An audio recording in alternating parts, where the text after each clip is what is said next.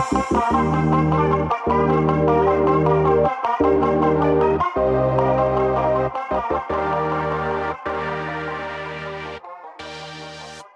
hey hey. Welcome to Hot Tea Fantasy Podcast. Сайн байцгаана уу? NBA-гийн талаар дагнан ярьдаг Hot Tea Fantasy Podcast-ийн маань ээлжид нэгэн дугаараас хүрэхэд бэлэн болоод байна.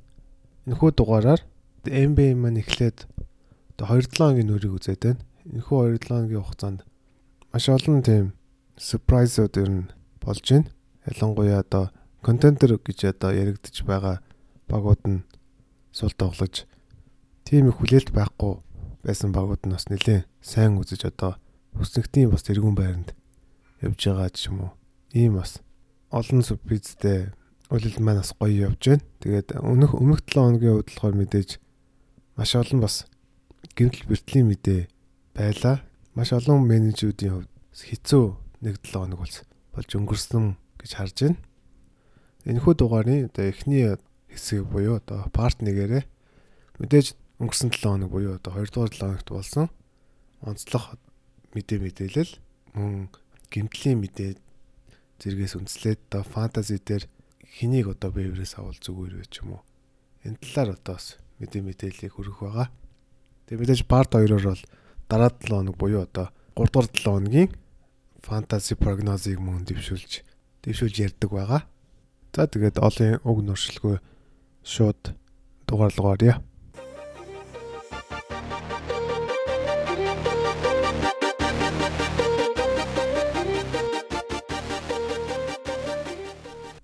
За энэ 7 хоногийн хувьд гэх юм бол сая интро дээрээ дурдсанчлан ер нь маш олон гимтэл бэрдлийн мэдээ байла. Тэгээд мөн MB-д маань бас удаан хараагүй зодон төврөлдөөний үдшилэг мөн болсон байгаа. Энэ талаар бас ярья.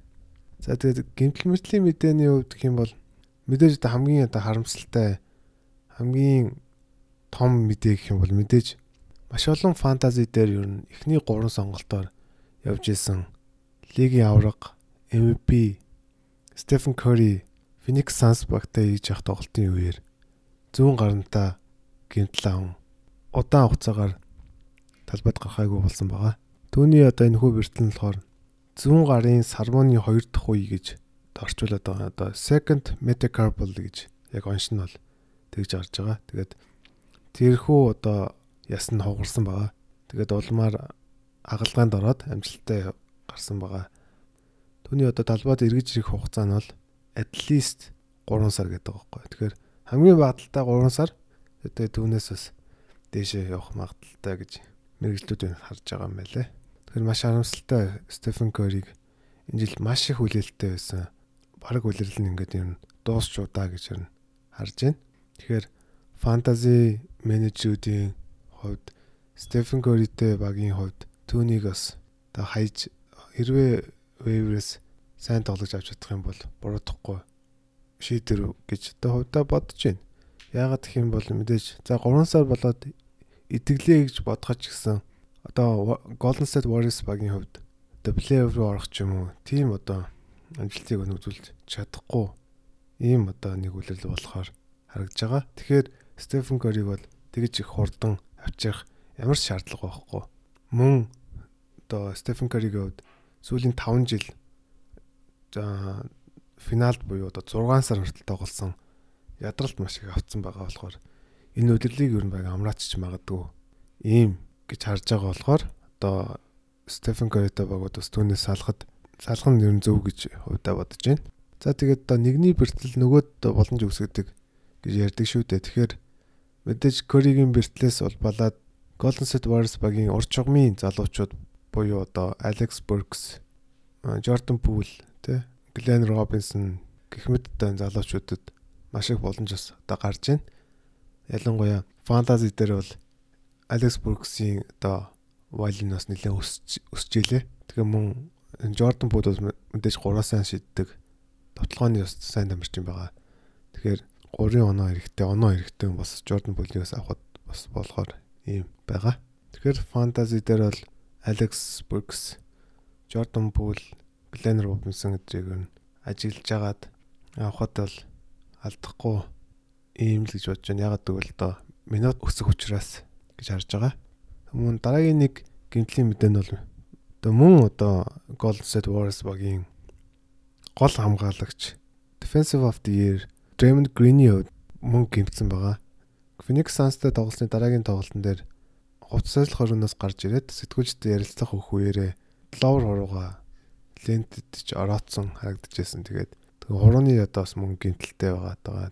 Гэсэн ч гэсэн Draymond Green-ийн хувьд бол яг хоо энэ хүү гэмтэл нь бол нэг удаан хугацааны гэмтэл биш. Ер нь нэг 7 хоног ч юм уу өнжих юм мэдээ байна лээ. Тэгсэн ч гэсэн яг хоо Draymond Green-ийн хувьд Steve Kerr хэлэхдээ Curry-гийн бэртлийн дараагаас эхлээд Draymond Green-ийг ер нь энэ энэ үйлрэл ер нь нэлээд минутын хязгаарлалтай тоглуулна гэсэн одоо ийм төлөвлөгөөтэй байгаагаа ер нь хэвлэлээр ярьсан байгаа. Тэгэхээр Draymond Green-тэй хүмүүс ер нь нэг тэгж бас сайн статистик хүлээгээд ер нь хийс хэрэггүй юм болов гэж түүний одоо бас ярьснаар харагдаж байна.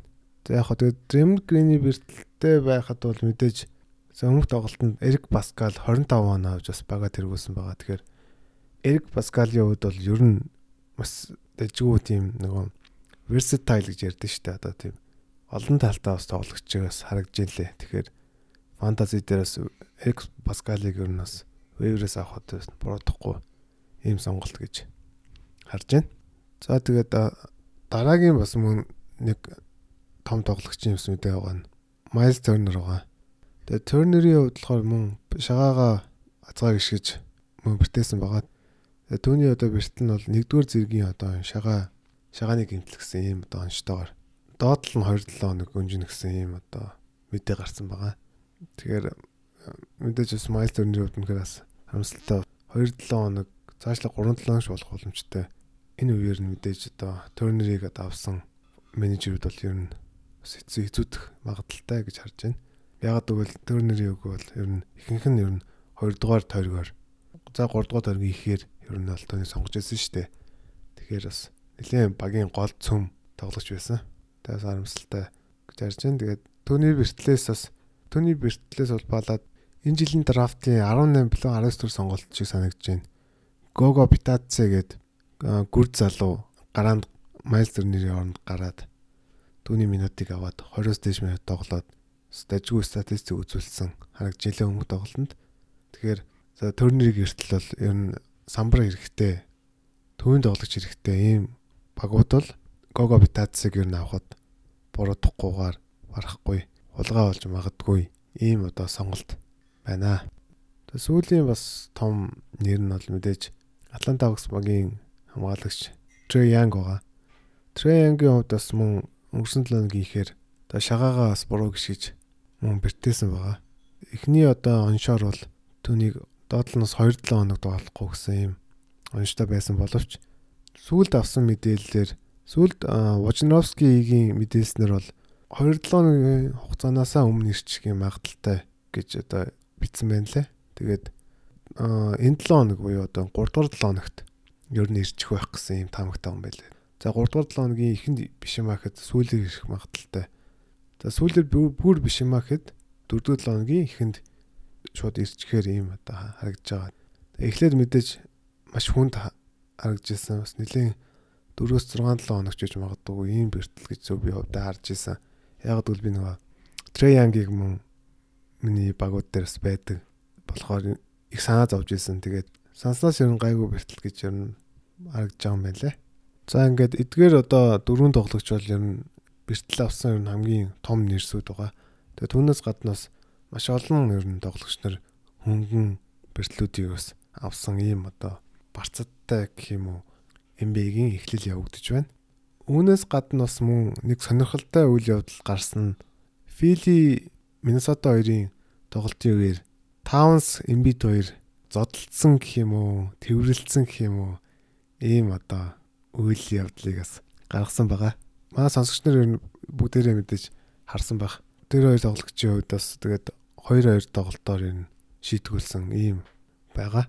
Тэгэхээр одоо тэр хоёрын хувьд бол хоёрхан тоглолт гэдэг бол энэ гайгүй энэ 7 хоногт ирчгээр ингэж харагдаж байна. Тэгээд тэгээ сая би нөгөө TNT-гийн нэвтрүүлгийг үзэж яхад Ernie Shaka-с Embiid Towns хоёрын зодооны талаар юу гэж бодож байна вэ гэж асуусан чинь Чак зодоонгүй энэ бол зүгээр л тэрвэрлэг үдшилэг байсан гэж хариулсан байгаа.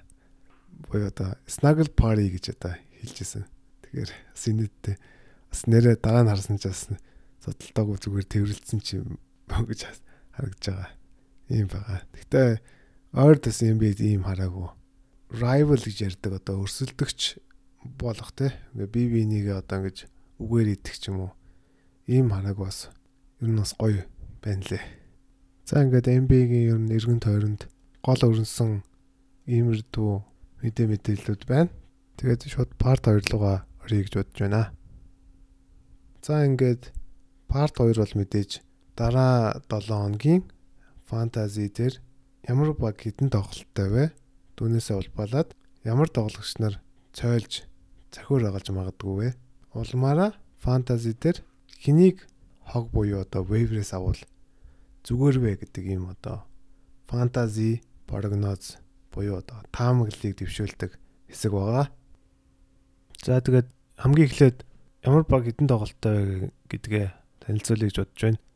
За эх 7 хоногийн буюу одоо NBA-гийн одоо 3 7 хоногийн хувьд дөрвөн тоглолттой 11 баг, 3 тоглолттой 16 баг, 2 тоглолттой 3 баг гэсэн ийм хуваартай байгаа юм байна. За тэгээд хамгийн их тоглолттой буюу одоо дөрвөн тоглолттой багуудыг танилцуулах юм бол Атланта, Шарлотт, Warriors, Indiana, Memphis, Milwaukee, Minnesota, OKC, Orlando, Philly, Portland гэсэн ийм хуваар байгаа юм байна. За тэгээд гурван тоглолтыг танилцуулах юм бол Boston, Brooklyn, Chicago, Cleveland, Dallas, Denver, Detroit, Houston, Lakers, Miami, Pelicans, New York, Phoenix, Spurs, Toronto, Washington гэсэн багууд байгаа юм байна. За тэгээд хоёр тоглолттой буюу хамгийн бага тоглолттой гурван баг бол Clippers, Sacramento, Utah гэсэн энэ гурван баг бол хоёрхан тоглолттой тэгж их фэнтези дээр тос өргөж чадхааргүй ийм одоо харагдаж байна. За тэгээд мөн бас нэг чухал зүйл нь бол мэдээж нөгөө quality days буюу одоо чанартай өдрүүдийг бас мөн авахыг фантазичнер маань мэдэж тэр өдрүүд дээр нь хүмүүсээ өрхийг нь боддог байгаа. За тэгээд дараа 7 хоногийн хувьд болохоор хэд хэд өдөр хэдэн тоглолт байгааг харах юм бол нэг дэх өдөр 6 тоглолт, хоёр дахь өдөр 6 тоглолт, гурав дахь өдөр 9 тоглолт, дөрөв дэх өдөр 4 тоглолт, тав дахь өдөр 11 тоглолт, хагас өдөр 5 тоглолт, бүтэнсээ өдөр 8 тоглолт гэсэн юм хуваартай юм байна. Тэгэхээр энэ 7 хоногийн хувьд болохоор ер нь нэлээд сайн тарсан ийм одоо 7 хоногийн харагдаж байна. Тэгээд 5 дахь өдөр л ганц 11 тоглолттой буюу нэлээх тоглолттой гэж харж байна. Тэгээ 3 дахь өдөр мөн 9 тоглолттой бас нэлээх тоглолттой байна. Тэгээд ер нь одоо фэнтези тоглолдог архаг хүмүүс л мэднэ. 8-аас бага тоглолттой өдрүүдийг ер нь тийм quality days буюу одоо чанартай өдрүүдэд энэ тооцож ярьдаг байгаа. Тэгэхээр мэдээж нөө quality days-тэй өдөр бол олон тамирчин байх юм бол эсрэг багасаа одоо илүү тоглолт хийж илүү одоо хожих магадaltaй мэдээж байгаа. За тэгэхээр мэдээж одоо хогноос ямар тоглогчийг сонгох вэ ч юм уу те. Weavers юу ямар тоглогчийг авал зүгээр вэ гэж одоо эргэлзэж байгаа менежүүд байх юм бол миний хувьд одоо дараах одоо тамирчдыг одоо бас танилцуулах гэж байна. Эдгээр тамирчд бол мэдээж дөрөв тоглолттой ихэнх нь одоо дараа 7 хоногт бол маш их тоглолтыг хийх ийм тамирчд байгаа. Тэгэхээр эдгээр тамирчдыг харж агаад өөрийн ч одоо багт хэрэгтэй байрлалын хэрэгтэй стат үзүүлж магадгүй гэсэн ийм тоглогч нарыг байх юм бол бас аваад эх 7 хоногийн фэнтезитэй амжилттай оролцохыг юм хүсэж байна. За тэгээд эхний тоглогчоор бол сая парт 1 дээр бас дурдсанчлан Miles Turner-ийн сэлгэнээс гарч ирж байгаа одоо энэ Gogo Bitadze гэдэг энэ гүр залууг нь онцлсан байгаа. Миний хувьд яг тоглолтын насыг үз амжааг зүгээр хайлайтыг үзсэн. Төвний хувьд бас нэлээд тийм биеийн үз сайтай тэгээд бас тийм ухаалаг ер нь тоглогч байна лээ. Тэгээд мэдээж одоо Turner-ийн Miata-ыг одоо авч байгаа. Өмнөд тоглолтын дээр одоо Cavs-ээс тоглосон тоглолтын дээр болохоор 10 оноо 9 самбар, нэг удаа 3 шийдсэн 4 блоктой ингэж өндөрлөөсөн байгаа 25 минутанд. Тэгээд Gogo Bitazzi-гууд мэдээж TG Leaf-тэй зөв одоо минут хувааж байгаа гэсэн. Ер нь Leaf-ээс арай илүү одоо чансаатай болов гэж гадаадын аналистуудын одоо бичснийг харахаар тэгж харагдаж байгаа. Тэгэхээр одоо оноо самбар блок хэрэгтэй менежүүд бол Гого Питацыг авахад ер нь дараагийн тойрог бол одоо маш сайн үзүүл үзүүлж магадгүй байгаа. Мэдээж дөрөв тоглолттой учраас. Аа тэгээд мөн Питац дээр нэгээд нэмээд хэлэхэд одоогоор ер нь ягоо эзэмшдийн 4% нь ер нь түүнийгээс эзэмшиж байгаа юм байна. Ихэнх лиг дээр ер нь хогон дээр нь байгаа байх гэж бодож байна. Тэгээд хоёр дахь хоёр дугаарт болохоор мөн одоо Бартнигээрээ дурдсанчлан Стефен Коригийн гимтлээс бол балаад Алек Боргсыг хандлсан байгаа. Түүнийг одоо яхаа эзэмшигтийн 6% нь эзэмшиж байгаа юм байна. Тэгээд Алек Боргсийн хувьд ер нь Стеф Кори байсан ч ер нь бас нэлээ сайн одоо стат үзүүлж магадгүй ийм тамирчин байсан. Гэтэ эхний нэг 3-7 хоногтоос гимтлийн олмоос тоглож чадаагүй байгаа. Тэгээд одоо Стеф Кори гимтсэн түүний болохоор маш их боломж ирнэ гарна байх гэж харж байна. Би бол хувьдаа Дэнжлогийн араас орох тоглооны гол хүн гэж түүнийг бас хараад байгаа болохоор одоо ер нь бэртлэн цаашаа идэх тусмаа минут нэгсэх байх гэж харж байгаа. Тэгэхээр Алек Буркс бол ер нь байх юм бол ер нь заавал авал маш их одоо боломжийг гаргаж өгөх. Ялангуяа одоо оноо 3 фритро буюу чөлөө шийдэл мөн сайн шийддэг тамирчин болохоор эдгээр гурван үзүүлэлтээр ер нь нэлээд сайн өгж магадгүй гэж харж байна. Тэгээд мөн мэдээж Golden State Warriors баг дөрөв тоглолттой байгаа дараа 7 хоногийн хувьд. За ингээд гуравт болохоор мөн одоо Trey Young-ийн бэртлээс бол болсон нэг тоглолчоос онцлсон байгаа. Өнгөрсөн үеэл бол маш сайн одоо гэлэлцэж гарч ирсэн юм залуу тоглогч байгаа. Kevin Huerter байгаа. Тэгээд Atlanta Hawks-ийн хувьд болохоор яг Kevin Huerter-ыг ер нь бол Тэгэд Трей Янгийн гимтсний дараагийн тоглолтын дээр Атланта Хawks баг ер нь шууд Cam Reddish-ээр холбуулж байгаа. Холбогчоор гаргаж байгаа юм байна лээ. Тэр нь яагаад вэ гэхээр зүгээр Kevin Hurt-ийн бэртэлтэй холбоотой байх гэж бодоод байгаа. Тэр хамстрингийн бэртлээс шалтгаалаад үлрэлийн эхлэл ер нь Мьюта хязгаарлалтай ер нь тоглоод тоглож байсан. Тэгэхээр Kevin Hurt-ийн хувьд хэрвээ тэр бэртний илааршаад Мьюта хязгаарлалтгүй болох юм бол Cam Reddish-ээс илүү одоо playmaker учраас түүний шууд гараанд гарах байх. Young эзүүд гэж харж байна. Тэгээд Young ирсэн ч гэсэн хэрвээ Хойтрийн бэртэл идгээд сайн тоглолттой авчрах юм бол одоо сэлгэний багийн гол плеймейкер болохоор түүнийг нь авахд оноо дамжуулалт, гураа шийдэлт, фри throw гэх мэт үзүүлэлтүүдийг нь гайгүй үзүүлж магадгүй юм тамирчин байгаа.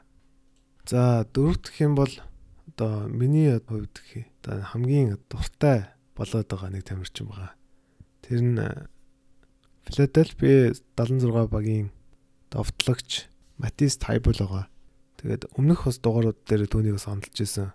Маш сайн хамгаалагч. Ер нь маш сайн элит хамгаалагч бүр. Одоо дөнгөж одоо энэ залуу тоглогчийн хувьд гарч ирж байгаа боловч маш олон NBA аналистуудын дунд түүнийг бас ер нь элит хамгаалагч болох магадaltaй. Ер нь Андре Робертсныг бас нэлээд сангадуулж байгаа гэж одоо үнэлсэн байна лээ. Тэгээд түүнийг бас одоо яхаа эзэмшдیں۔ 19 хүн бас эзэмшиж байгаа юм байна. Тэгээд түүний хувьд бол мэдээж одоо стил, блок хоёрын мэрэгчлэлтэн байгаа. Стиллэрээ бол ер нь одоо MV-ийг бас тэргүүлж байгаа ийм тамирч байгаа. Тэгэд яг хуу дотлооны үзүүлэлтүүд тийм сайн бичсэн яг хуу тэр хоёр одоо үзүүлэлтүүдийн хувьд бол маш сайн авчрах ийм тамирчин байгаа болохоор тэр хоёр хэрвээ сул гэж харж байгаа мэйжүүд авах юм бол Матис Сайболыг бол заавал авах хэрэгтэй. Ийм одоо валютэй тоглож байгаа. Тэгээд түүнийг одоо өмнөх дугаарууд дээрээс ярьсанчлан Филигийн фэнүүд бол маш их хүлээж байгаа юм байна лээ. Тэгээд дараагийн Covington гэж хэлж байгаа, яригдж байгаа ийм залуу байгаа. Тэгээ мэдээж мөн Филигийн хувьд дөрөв тоглолттой, хамгийн их тоглолттой багуудын нэг байгаа. За тэгээд хамгийн одоо сүүлдэх 5 дугаар байранд нь Houston Rockets багийн товтлогч Daniel House Jr-ыг онцлсан байгаа. Тэгээ түүний хувьд одоогоор Яхоо эзэмшиж 27 онд эзэмшиж байгаа юм байна.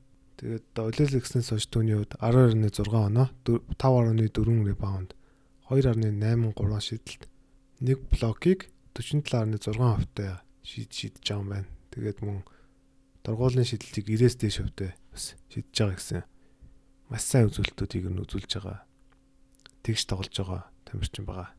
Тэгээд түүний хувьд одоогоор одоо 9 категориор тоглож байгаа лигүүдүүд бол маш сайн статик өгж байгаа болохоор түүнийг бас нэх олон хүмүүс бас авч авахгүй юм байна лээ. Тэгэхээр түүнийг бас заавал авах юм эрхтэй тамирчин гэж харж байгаа. Гэхдээ Houston Rockets багийн хувьд болохоор дараа 7 хоногт 3 тоглолттой ийм хуваартай байгаа. За тэгээд эдгээр одоо яг 5 тоглогчдыг яг онцолж ярьлаа. Тэгээд үүнээс гаднаас таны бас ажиллаж байгаа ажиллаж байгаад буруудахгүй ийм тамирчдыг бас зүгээр юм бол Golden State Warriors багийн одоо Glenn Robinson, Jordan Poole Эрик Паскал байгаа.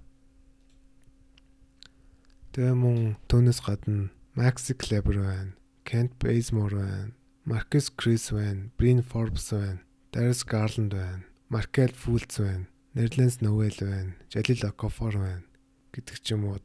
Тэгээ тамирчдыг бас ажиллаж агаад яг таны одоо хэрэгтэй гэсэн статистикийг үзүүлэх магадлал хамгийн ихтэй тамирчныг ер нь сонгуул бас их зүгээр байдаг. Тэгээд мэдээж дөрөв тоглолттой бол хамгийн сайн дараа 7 хоногийн хувьд. Тэгэхээр эдгээр тоглолтыг ажиллаж агаад waiver-ээс хоёр тоглолттой багийн тамирчнаар солих хад ер нь буруудахгүй гэж харж байна. Тэгээ хоёр тоглолттой мэдээж багууд бол Clippers, Sacramento, Utah байгаа. Clippers-ийн хувьд хоёр тоглолт нь бол яг шууд day to day буюу одоо нэг шууд дараалал тоглож байгаа юм байлаа. Тэгэхээр нэг тоглолтын дээр нь бол Kawhi Leonard бол заавал амрах баг. Тэгэхээр дараа 7 хоногийн хувьд Kawhi Leonard-тай менежүүдийн хувьд нэлээд тийм хүндхэн 7 хоног болох магадaltaй юм байгаа. За нэг ийм мэрдүү байна. Эх 7 хоногийн буюу одоо NBA-гийн 7 хоногор бол 3 дахь 7 хоногийн хувьд фэнтези таамаглалыг өөрийнхөө хувьас бас дэвшүүллээ. Энд бас алдаж онж байгаа юм байж магадгүй. Бас одоо нээлттэйгээр аваасаа гэж хүсэж байна. Тэгээ хэрвээ бас мэдхгүй эргэлзэж байгаа юмч байх юм бол мэдээж надаас асуухад бол үргэлж нээлттэй.